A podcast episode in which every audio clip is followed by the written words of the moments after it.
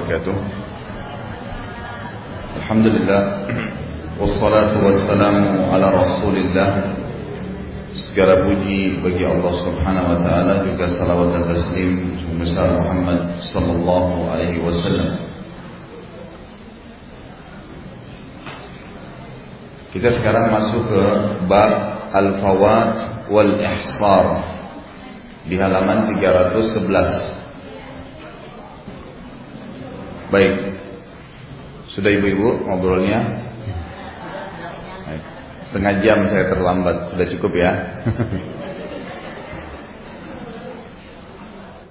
Baik, hadis 798. An Ibnu Abbas radhiyallahu anhuma qala قد أحصر رسول الله صلى الله عليه وسلم فحلق رأسه وجامع نساءه ونحرها ونحر هديه hatta zamara aman qabila rawahul Bukhari Ibnu Abbas berkata radhiyallahu anhuma bahwasanya Rasulullah SAW pernah terhalang lalu beliau mencukur rambut kepalanya bercampur dengan istrinya menyembeli kurbannya hingga umroh tahun depan riwayat Imam Bukhari Sebelum saya terangkan hadis ini, dilihat footnote nomor satu dulu. Hal ini terjadi dalam umroh Hudaybiyah pada tahun 6 Hijriah. Waktu itu penduduk Mekah melarang kaum muslimin menyempurnakan umroh pada tahun itu. Dan mereka mengikat janji yang disebut dengan perdamaian Hudaybiyah. Maka Rasulullah SAW kembali lagi ke Mekah untuk melaksanakan umroh pada tahun berikutnya. Kembali kepada hadis Ibnu Abbas radhiyallahu anhu menjelaskan kepada kita bahwasanya Nabi Muhammad SAW pada tahun 6 Hijriah sudah keluar dari Madinah menggunakan kain ihram, sudah niat di miqat. Sudah lewat. Pas tiba di wilayah Hudaybiyah, beberapa kilometer saja dari kota Mekah, tiba-tiba saja orang-orang Mekah menahan Nabi Shallallahu alaihi wasallam, nggak boleh masuk Pokoknya dengan alasan apa pun muslimin gak boleh masuk. Terjadilah sulh, kesepakatan antara Nabi SAW dengan orang-orang Mekah. Bahwasanya mereka gak boleh masuk, pokoknya muslimin tahun ini pulang ke Madinah, nanti tahun depan boleh umroh. Dan pada saat itu juga terjadi kesepakatan tidak boleh ada peperangan antara kaum muslimin dengan orang-orang kafir Mekah 10 tahun.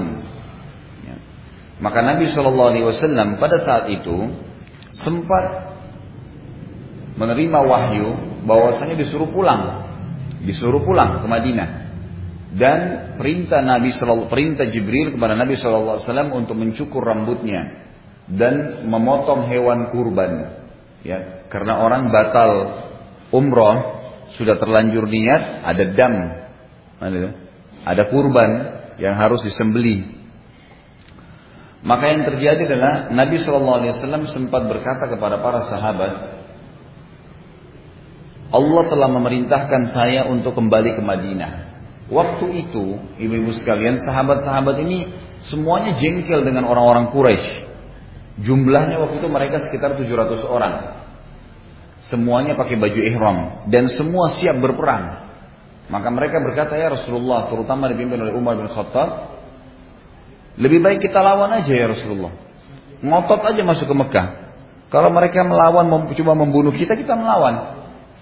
Tapi Nabi SAW tidak mendengar, maksudnya tidak tidak mengikuti pendapat Umar karena memang Nabi SAW dapat wahyu, gitu kan? Nah waktu Nabi SAW bilang kepada para sahabat, ayo sekarang kita diperintahkan cukur rambut kita. Sudah disuruh tahallul, belum umroh ya. Maka ini hukum pertama pada saat orang sudah terlanjur keluar. Kayak misal ibu-ibu dan bapak sekalian berangkat ke umroh. Tidak lafaz Allah pas lewat di Mikot, gitu kan? Di Jeddah. Kemudian tentu sekitar berapa menit sebelum turun di Jeddah, sudah mau umroh, tiba-tiba terjadi misal ada peperangan. Misal. Ya. Kemudian harus balik ke Indonesia, nggak bisa masuk ke Saudi. Maka pada saat itu, ya, yang paling pertama dilakukan adalah kita bertahallul, mencukur rambut. Kemudian yang kedua, kita berkurban, hewan kurban. Mungkin nanti dengan cara e, menyerahkan kepada eh, pihak-pihak yang bisa dikenal di sana dengan cara pada saat itu kalau terjadi tentunya berkurban di Saudinya, gitu kan? Kemudian pulang, ya, pulang ke negara kita. Setelah selesai, buka baju ihramnya kembali. Nabi SAW waktu itu bilang kepada para sahabat, ayo cukur rambut. Karena Allah sudah memerintahkan itu. Ternyata para sahabat ini masih pada duduk. Karena mereka berharap ada pergantian berita nih. Disuruh serang aja Mekah. Gitu kan. Nabi SAW masuk dalam kemahnya waktu itu dan Ummu Salamah radhiyallahu anha istri Nabi SAW yang kebetulan ikut bersama Nabi pada perjalanan itu. Lalu melihat Nabi SAW sedih, duduk berpikir dalam kemah, kata Ummu Salamah, kenapa ya Rasulullah? Kata Nabi SAW, ada wahyu turun memerintahkan untuk memotong rambut, tahallul. Tapi para sahabat ini masih pada duduk. Mereka masih berharap ada perubahan untuk bisa masuk ke Mekah. Maka kata Ummu Salamah radhiyallahu anha, ya ini termasuk pelajaran besar juga bagaimana seorang istri yang bijaksana menuntun suaminya untuk bisa menjalankan atau menyempurnakan perintah agama. Ummu Salamah mengatakan radhiyallahu anha, Ya Rasulullah, coba anda mulai dulu. Anda sendiri yang cukur di depan mereka. Insya Allah dengan begitu mereka akan ikut. Maka Nabi SAW tersenyum dan mengatakan inilah pendapat. Lalu beliau keluar, beliau panggil tukang cukurnya lalu mencukur rambutnya gundul semua Nabi SAW. Maka para sahabat untuk melihat Nabi SAW sudah gundul, mereka segera mencukur kepala mereka. Sampai dalam beberapa riwayat dikatakan ada beberapa orang dari mereka yang kepalanya luka. Karena takutnya jangan sampai mereka tidak mencontohi apa yang Nabi Shallallahu Alaihi Wasallam perintahkan atau jalankan. Setelah selesai itu mereka balik ke Madinah. Jadi yang kita bisa ambil daripada hadis 798 adalah orang kalau pergi perjalanan umroh dan sudah niat, sudah lewat mikot, sudah pakai baju ihram, kemudian terhalang, ada halangan apa saja, kan gitu. Kalau tadi kasus Nabi Shallallahu Alaihi ditahan oleh orang-orang kafir, Mungkin terjadi peperangan, mungkin terjadi badai, mungkin terjadi apa saja, banjir besar, kita nggak tahu. Misal kalau sampai terhalang, maka berarti tahallul, kemudian berkurban lalu balik. Dan semua yang berurusan dengan ihram sudah lepas pada saat itu. Hadis 799, hadis kedua dalam bab ini, wa an Aisyah radhiyallahu anha qalat, dakhala an-nabiy sallallahu alaihi wasallam ala dhuba'ata بنت الزبير بن عبد المطلب فقالت يا رسول الله إني أريد الحج وأنا شاكية فقال النبي صلى الله عليه وسلم حجي واشترطي أن محلي حيث حبستني متفق عليه Aisyah radhiyallahu anha berkata, Rasulullah sallallahu alaihi wasallam masuk ke rumah Duba'a bintu Az-Zubair atau binti Zubair bin Abdul Muttalib Di sini untuk penulisan bahasa Indonesia ada beberapa yang perlu diperbaikin ya. Jadi di sini duba'a itu yang L-nya diganti dengan H. Ya. Ini kan bot ya. Dalam bahasa Arab lihat ya ke rumah kalau DL itu susah dibaca. Ya. L-nya diganti dengan H. Coba gimana cara bacanya kalau D sama L tuh? susah. Nah, kalau bot itu dalam bahasa Indonesia tulisannya DH. Itu diganti H. Kemudian duba'a ini bukan bintu tapi binti. Ya. U-nya diganti dengan I. Kemudian bin, binti Az-Zubair. Kemudian ini ibnunya diganti jadi bin. Diganti jadi bin. Di dalam bahasa Arab ibu-ibu sekalian, kalau kita menulis nama, Misal nama saya Khalid bin Z, gitu kan? Maka kalau perempuan Aisyah misalnya binti Muhammad misalnya. Nah, kalau dia satu baris, satu baris bersambung antara nama anak dengan ayah, ditulisnya bin kalau laki-laki, binti kalau perempuan. Tapi kalau dia pisah paragraf, pisah baris, misal nama saya Khalid ditulis di ujung uh, baris gitu kan. Misal e, telah keluar dari rumah Khalid pas ditulis binnya sama ayah saya di bawah nyambungnya di baris yang kedua maka ini tulisnya ibnu Khalid ibnu Zaid paham ya Jadi bukan lagi bin karena nama ayah dan nama anak terpisah baris. Itu dalam grammar bahasa Arab begitu cara nulisnya. Nah kalau seperti ini nggak bisa nama ayah sama nama anak eh, anak sama ayah satu baris. Mestinya bukan ibnu, ya tapi bin, ya. Walaupun di sini Az-Zubairnya alnya itu ada di atas sebenarnya. Tapi mestinya memang dia Az-Zubair itu sudah nyambung karena Al sama Zubair itu harus bersambung semestinya. Satu nama ya, kan namanya dia Zubair. Sama juga dengan perempuan ya. Kalau misalnya e, setelah keluar dari rumah Aisyah binti Muhammad misal. Satu baris ya. Tapi ternyata pas di ujung Aisyah terus nama Muhammadnya harus di baris kedua, diganti bintinya menjadi Ibnah. Ya. Kalau laki-laki Ibnu, perempuan ibna, ibnatun ya. Ini contohnya. Sama juga kalau namanya ayah, eh, namanya anak dihapus. Misal Abdullah ibn Umar, ya, Abdullah bin Umar, gitu kan? Nah, kalau Abdullahnya dihilangkan, maka dibilang ibnu Umar. Itu juga menggunakan ibnu, bukan bin. Jelas ya? Baik ini cara penulisan saja. Dikatakan di sini berkata, ya, waktu Nabi SAW ada di rumahnya, Duba'a ini, berkatalah si Duba'a tadi, wahai Rasulullah, sesungguhnya aku ini ingin menunaikan haji, namun aku sakit. Nabi SAW bersabda, namun aku sakit, sakit kasih titik ya. Setelah sakit itu tidak ada titik kasih titik, Nabi SAW bersabda, berhajilah dan tetapkanlah syarat, maksudnya dalam diri kamu sendiri kasih syaratnya. Apa itu? Dengan mengucapkan mestinya bahwa tempat tahallulku ialah di mana aku terhalang. Muttafaqun alaih. Baik, perlu kita tahu dulu satu hal atau beberapa pelajaran dari hadis ini. Yang pertama, Duba'a ini adalah sepupu Nabi Sallallahu Alaihi Wasallam, sepupu Nabi Duba ini anaknya Zubair. Zubair ini saudara kandungnya Abdullah, ayahnya Nabi. Jadi ini sepupu langsung Nabi, anak pamannya Nabi Sallallahu Alaihi Wasallam. Jadi sepupu satu kali. Begitu ketemu dengan Nabi, mau haji, perempuan ini bilang, sepupu Nabi bilang, saya mau haji ya Rasulullah. Baik, pelajaran yang kedua, ini selain sepupu Nabi, juga Duba ini memberikan pelajaran kepada kita. Dia kebetulan sakit. Sebagian ulama hadis mengatakan sakitnya ini memang sakit yang agak parah. Sehingga dia khawatir kalau dia pergi haji di tengah jalan kambuh parah nggak bisa lanjutin, dia harus pulang.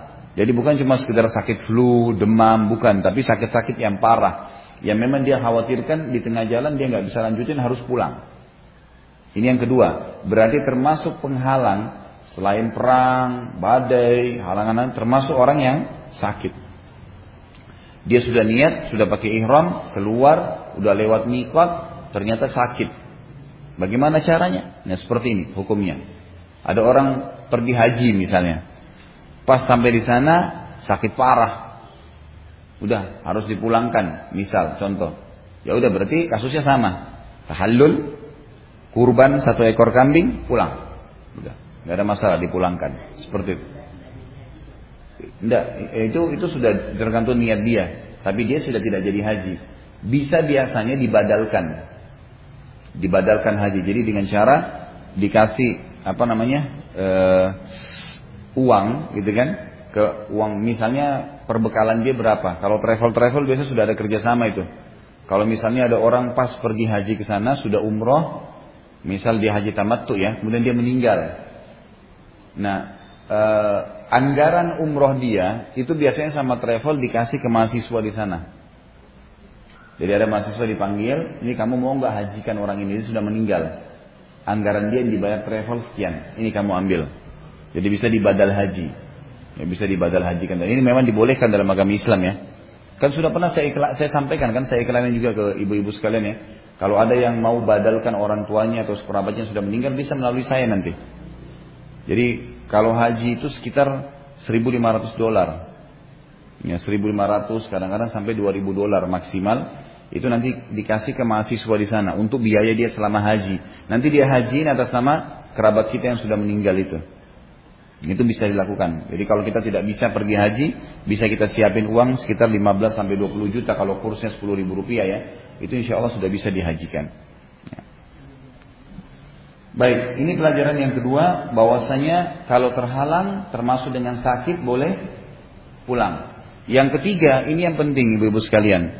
Jadi kalau ibu berangkat umroh atau haji, kemudian khawatir, ada kekhawatiran. Kan kalau sekarang kita umroh, alhamdulillah tidak ada kekhawatiran ya, karena kondisi aman. Lain kalau ajal lain. Tapi kalau misalnya memang kita sakit keras asalnya, atau seperti kasus tahun 1990 waktu Irak menyerang Saudi, kan gitu. Itu kan banyak pesawat yang sudah berangkat balik karena khawatir kena rudal, gitu kan. Maka mereka kembali. Nah, kalau ada hal-hal yang sifatnya nanti kita kayaknya nih ada kemungkinan berangkat sampai ada kemungkinan tidak nih. Maka kita dianjurkan membaca doa, gitu kan? Ini sebagian ulama bilang bisa bahasa Arab, bisa di bahasa Indonesia kan kalau tidak hafal. Tapi bahasa Arabnya begini, seperti disebutkan di sini. Wa anna mahalli haitsu habastani. Ya Allah, tempat tahallulku di tempat yang aku terhalang. Jadi kita bahasakan begitu. Wa anna mahalli haitsu habastani sebagaimana dijelaskan di dalam hadis ini. Jadi kalau sampai terhalang langsung bisa tahallul di tempat situ. Nomor 800 dan ini bab terakhir dalam masalah haji. Wa an ikrimata anil Hajjaj eh, bin eh, Amr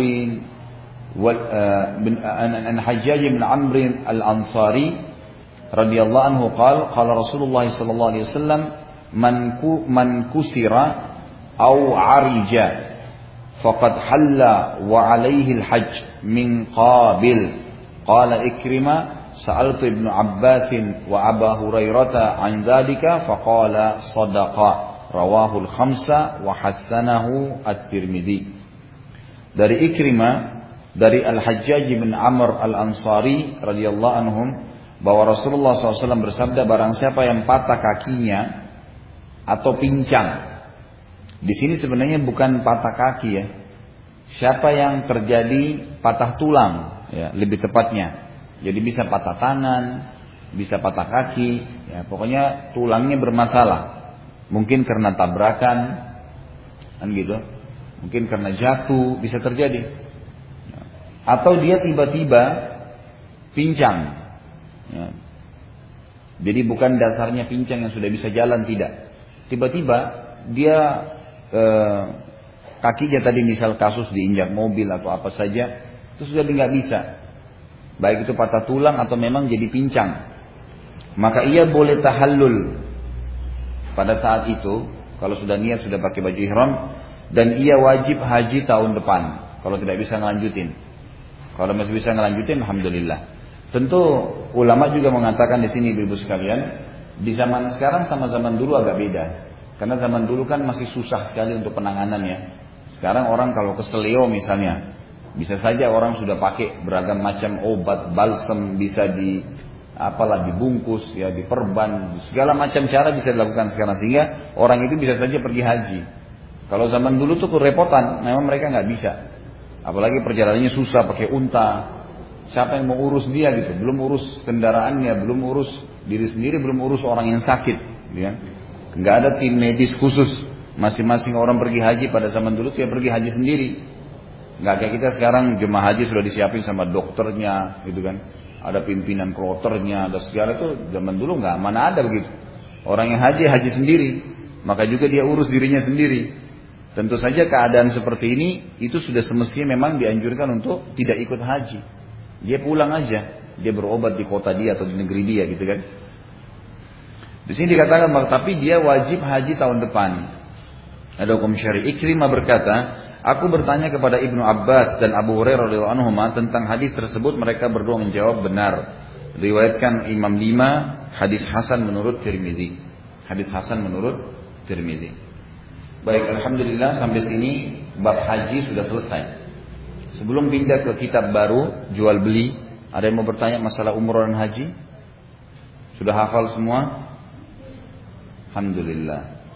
Soalnya dua Kamis yang lalu ini sambil saya jelasin hadis panjangnya sambil ada yang tunduk, ada yang ngantuk, ada yang bab hajinya panjang kemarin ya. Baik. Sudah ya, kita masuk ke jual beli ya. Silakan yang di belakang. Saya nggak dengar kejauhan.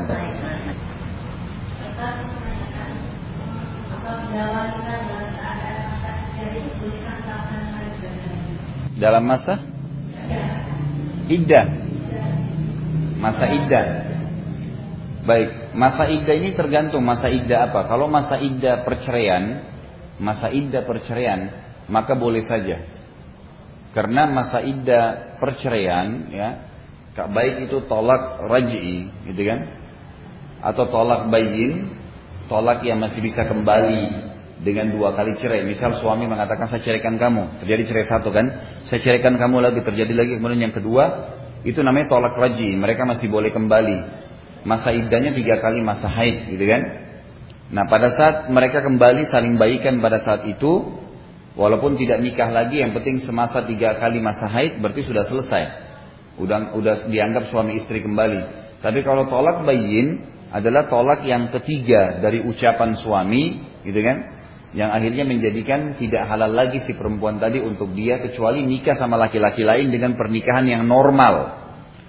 Kalau cerai lagi dengan suami yang kedua, itu baru terbuka variabel hukum boleh kembali ke suami yang pertama, tapi tidak boleh direkayasa. Karena kalau direkayasa, bahkan ada hadis Nabi yang mengatakan Allah melaknat al-muhallil wal muhallal lahu. Allah melaknat laki-laki yang sengaja merekayasa pernikahan istrinya dengan temannya kamu nikahi istri saya ya karena sudah tiga kali saya ceraikan. Kamu begitu setelah akad nikah langsung ceraikan agar bisa kembali ke saya. Ini nggak boleh, dilaknat. Jadi pernikahan itu pernikahan yang sah memang dengan laki-laki yang kedua. Kalau terjadi masalah, gitu kan, cerai baru terbuka variabel ke suami ini. Nah kalau tolak bayin juga ini yang saya ketahui sama, idahnya tiga bulan untuk mengetahui Eh, apa memang tidak ada benih atau ada benih dari si laki-laki karena kalau dalam kondisi hamil nggak boleh nggak boleh nikah wanita itu kan jadi kata Nabi SAW janganlah seseorang di antara kalian menimpahkan benih di atas benih saudaranya jadi kalau lagi hamil nggak boleh lagi ada laki-laki sampai perempuan itu selesai melahirkan dipastikan rahimnya suci setelah nifas baru boleh menikah dengan laki-laki baru gitu kan ini kalau iddah perceraian kalau iddah meninggal suami ini nggak boleh bu Empat bulan sepuluh hari. Nggak boleh. Ini bahkan tidak boleh aktivitas di luar rumah kecuali darurat. Jangankan safar, umur atau haji. Keluar rumah saja itu kecuali darurat sekali. Baru boleh, gitu kan? Kalau enggak dianjurkan di rumah selama empat bulan sepuluh hari. Ini berbeda. Kalau iddah meninggal suami nggak dibolehkan. Dan di sini ulama mengatakan hikmah yang paling besar dengan meninggalnya suami itu adalah si istri tadi lebih banyak beribadah kepada Allah SWT bermuhasabah bisa saja juga dia meninggal dalam masa iddahnya jadi kan jadi dia mengambil pelajaran pada saat itu dia memperbaiki muhasabah dirinya dalam 4 bulan 10 hari itu jelas Bu ya yang bertanya kalau misalnya dia apa namanya uh, ditunggu sampai 3 bulan karena kan 3 bulan bisa pergi ke dokter aja bisa tahu bahwa dia hamil atau tidak tetap jadi bukan masalah kasus dia hamil atau tidak Ya salah satunya itu, salah satu. Tapi hukum syari adalah dianjurkan Allah mengatakan dalam Al-Quran begini. Salah satu kuru, salah satu kuru ini maksudnya tiga kali masa haid. Sebagian ulama mengatakan kalau dia sudah manufos maka dia menunggu tetap tiga bulan karena sudah tidak ada haid kasusnya. Nah salah satu hikmahnya ulama bilang kalau sampai dia hamil, gitu kan sehingga tidak terbenahi lagi. Gitu. Ya, kurang lebih begitu.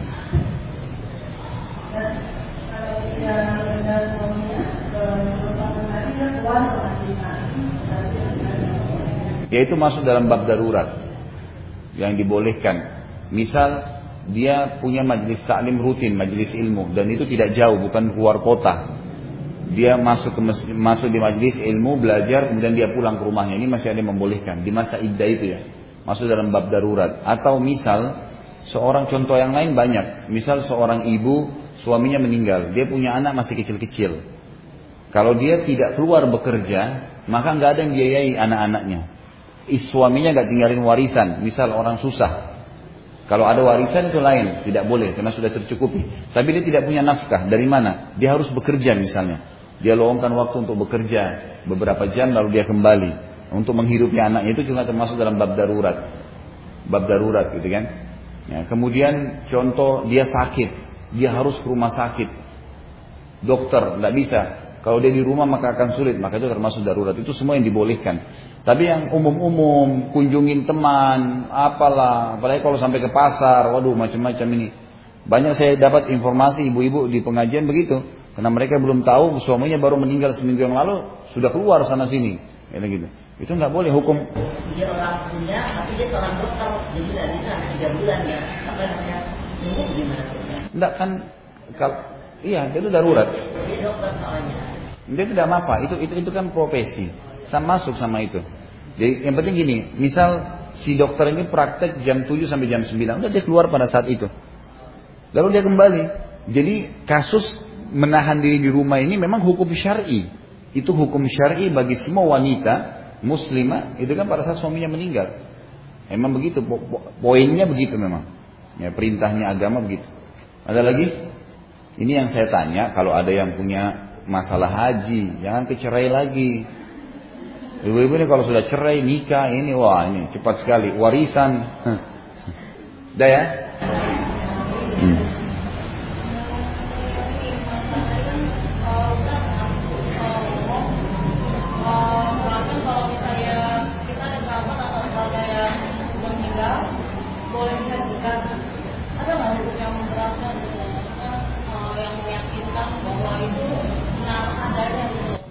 Ada, ada.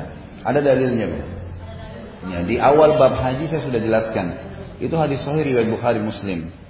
Ada seorang sahabat Nabi berkata, "Ya Rasulullah, ayah saya itu sudah sangat tua, nggak bisa lagi mengadakan perjalanan." Gitu kan? Ada riwayatnya yang mengatakan sudah meninggal dunia. Tapi yang jelas riwayat ini menjelaskan ada uzur. Yang riwayat pertama ini adalah sudah tidak mampu perjalanan, sudah tidak mampu keluar kota, Apakah boleh kata anaknya ini saya menghajikan dan mengumrohkan? Kata Nabi Shallallahu Alaihi Wasallam haji dan umrohkanlah. Ini malah sahabat Nabi perempuan yang bertanya.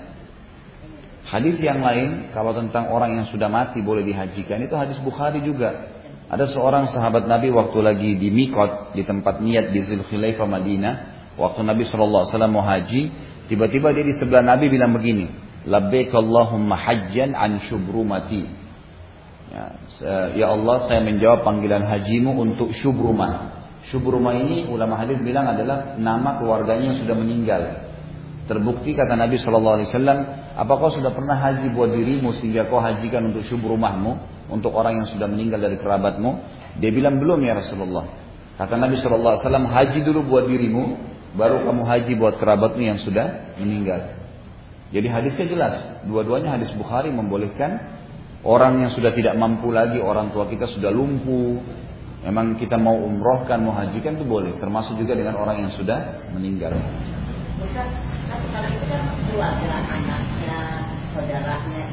Enggak masalah siapa pun. Ya, jadi ulama bilang kalau seandainya kerabat saja dibolehkan, berarti terbuka untuk pintu orang lain. Kalau orang yang terdekat dibolehkan, berarti yang jauh itu lebih terbuka lagi. Gitu. Ya.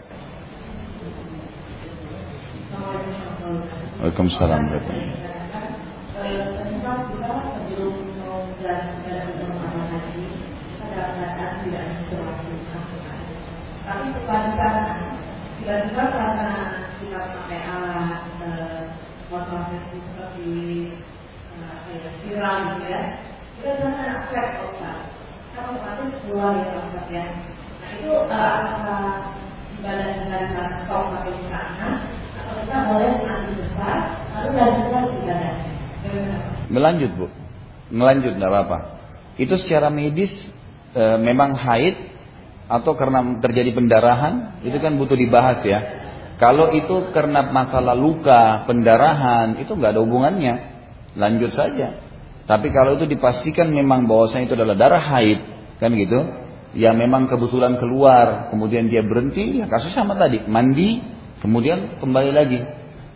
Nah, di sini saya pernah rincikan di awal bab haji waktu kita bahas yang pernah ada istri Abu Bakar radhiyallahu anhu itu pas masa-masa akhir masa nifasnya. Lalu waktu Nabi mau haji dia mau ikut. Kata Nabi Shallallahu Alaihi Wasallam, mandilah, ya, man, ini masih nifas dia ya, mandilah. Kemudian disuruh berihram, lalu pergi haji bersama Nabi SAW. Dalam kondisi dia nifas ya, itu dibolehkan dalam perjalanan. Jadi ibu-ibu kalau lagi haid, boleh. Niat mau umroh nih. Baik niat pakai baju ihram boleh. Tapi tidak memulai tawaf. Sampai selesai haidnya. Sampai selesai nifasnya. Tapi pergi perjalanan boleh. Nah, sama kasusnya kalau lagi pas lagi umroh, ya kan? Pas mau masuk masjid haram, mau tawaf, haid. Bagaimana? Ya dia tunda. Mungkin dia sekarang minum obat, ya nih, ya, yang untuk memberhentikan haidnya boleh. Dia mandi, kemudian dia keluar dari Mekah kembali, ya untuk niat baru, baru dia masuk umroh. Beda kasusnya, kalau seandainya ibu lagi tawaf, selesai tawaf, selesai sholat di belakang makam Ibrahim, pas masuk sa'i, pas masuk sa'i, netes darah haidnya. Apakah dilanjutin umrohnya? Lanjut. Kenapa? Karena sa'i tidak wajib bersuci. Dalam kondisi sa'i, ibu nggak wajib punya wudhu. Kemarin kebetulan ada kasus tuh. Waktu saya lagi bimbing umroh, ada ibu-ibu di pengajian saya bilang, Ustaz di travel sebelah ini ada teman saya. Dan teman saya ini Pas dia masuk ke sa'i, netes darah haidnya. Gimana umrohnya lanjutin nggak?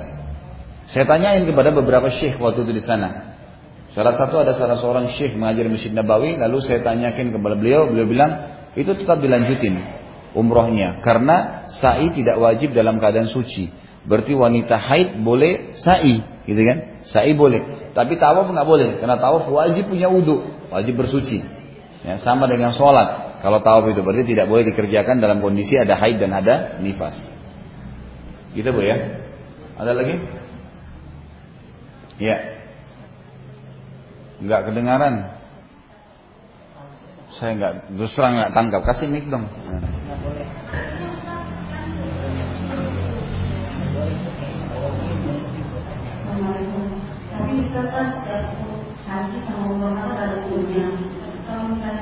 Nggak ikut karena umrohnya batal atau tidak? Enggak, jadi ditunda, bisa ditunda kan gini. Sudah niat, sudah ihram. Begitu tiba di hotel, netes darah haidnya. Dia mau lanjutin rukun yang ketiga kan rukun umroh kan lima yang saya jelasin. Ada niat, ihram, tawaf, sa'i, tahallul kan gitu. Orang sudah jalankan niat, sudah jalankan ihram. Pas mau tawaf, haid. Maka di sini dia enggak di, di sini dia kasusnya adalah dia tunggu. Ya, dia tunggu haid itu membatalkan. Jadi haid itu membatalkan niatnya dan ihramnya. Dia seperti misalnya ibu lagi mau sholat. Begitu mau sholat, netes darah haidnya. Kan uduknya batal. Otomatis. Nah niatnya sama ihramnya jadi batal karena adanya itu. Dia tidak bukan berarti dia tunggu haid lalu kemudian tinggal tawaf, enggak. Karena dianggap ini dia harus ulangin semua satu rangkaian. Gitu ya. Ustaz, kalau seandainya kita niat mau umroh, hmm. nah kita mandikan, nah sebelum kita berniat untuk umroh, boleh nggak kita wangian? Atau kita mandinya dengan sabun wangi, dengan sabun yang berbau? Selama belum niat di mikot, boleh. boleh Yang tidak boleh kalau sudah niat. Iya, lewat mikot. Jadi kalau sebelum ibu dari Jakarta, saya bahkan jemaah saya, ini jemaah saya pribadi ya. Kalau lagi mau umroh dan memang saat itu program kita masuk ke Mekah dulu. Berarti kan dari Jakarta nanti niatnya di atas pesawat, gitu kan? Nah, kalau ini saya selalu anjurkan mandi ihramnya di Jakarta. Jadi cukur bulunya, kemudian e, potong kukuhnya, dan gitu e, mandi ihramnya itu semua di Jakarta itu boleh pakai sampo, boleh pakai sabun wangi, pakai sikat gigi, odol nggak apa-apa. Yang tidak boleh pakai wangi-wangian kalau sudah lewat mikot, sudah niat, nah itu berarti larangan ihram berlaku. Boleh nggak kain ihram saya dicuci dengan sabun yang wangi? Boleh, nggak ada masalah. Sebelum diniat, Jangan ibu sudah lewat mikot, ketumpah makanan, dicuci, pakai sabun yang wangi. Sudah niat. Ini tidak boleh. Kalau sengaja. Kalau tidak sengaja, makanya kan termasuk yang saya bilang kemarin, umumnya travel-travel kita ini, kalau saya berapa kali ya beberapa travel yang saya bimbing, saya lihat kayaknya standar. Kalau masuk ke Mekah dulu, gitu kan, itu biasanya dikasih makanan box di bus kan. Nah makanan box ini sering kali dikasih tisu yang wangi untuk lap tangan karena di bus nggak ada cuci tangan gitu kan. Nah ini sudah ihram, udah niat, nggak boleh pakai tisu itu. Kalau tidak sengaja, insya Allah nggak apa-apa cukup istighfar. Kalau sengaja ya harus sembeli kambing. Ustaz, kalau kita misalnya umrohnya dari Jeddah yang mau ke Mekah, nah pada waktu kita mandi di Jeddah yang untuk umroh itu udah nggak boleh kerong ya makannya? Iya, nggak boleh lagi. Nggak boleh. Makanya juga jemaah saya itu kalau sudah masuk ke Mekah, ini ibu-ibu sudah niat nih, sudah ihram. Pas masuk Mekah biasanya kan travel-travel masukkan kita di hotel dulu makan malam. Itu saya tuntun jemaah saya, ibu-ibu yang dan bapak yang merasa kurang segar boleh mandi, tapi jangan pakai sabun. Gak usah pakai sabun, karena sabunnya sabunnya umumnya wangi, gitu kan. Gak usah pakai sabun, gak usah pakai sampo, yang penting badannya segar, udah masuk ke masjid haram. Nanti selesai umroh aja, baru mandi gitu. Ini kok kayak motor, apa kayak motor mobil udah mulai panas. Tadi saya tanya nggak ada yang mau bertanya gitu. Terus terulang lagi tradisi kalau bertanya nggak pakai mic langsung. Kalau pakai mic assalamualaikum dulu. Hmm. Assalamualaikum tanpa mic juga nggak apa-apa diucap. Iya silakan.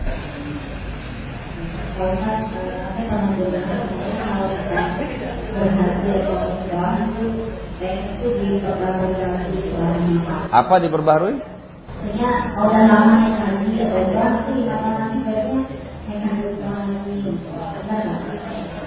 Jadi bukan diperbaharui. Perbaharui itu berarti kan sesuatu yang sudah yang lalu itu berarti kayaknya kesannya salah atau apa itu bukan.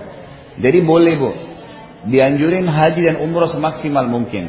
Bahkan dalam hadis itu dianjurkan dikerjakan secara berkesinambungan.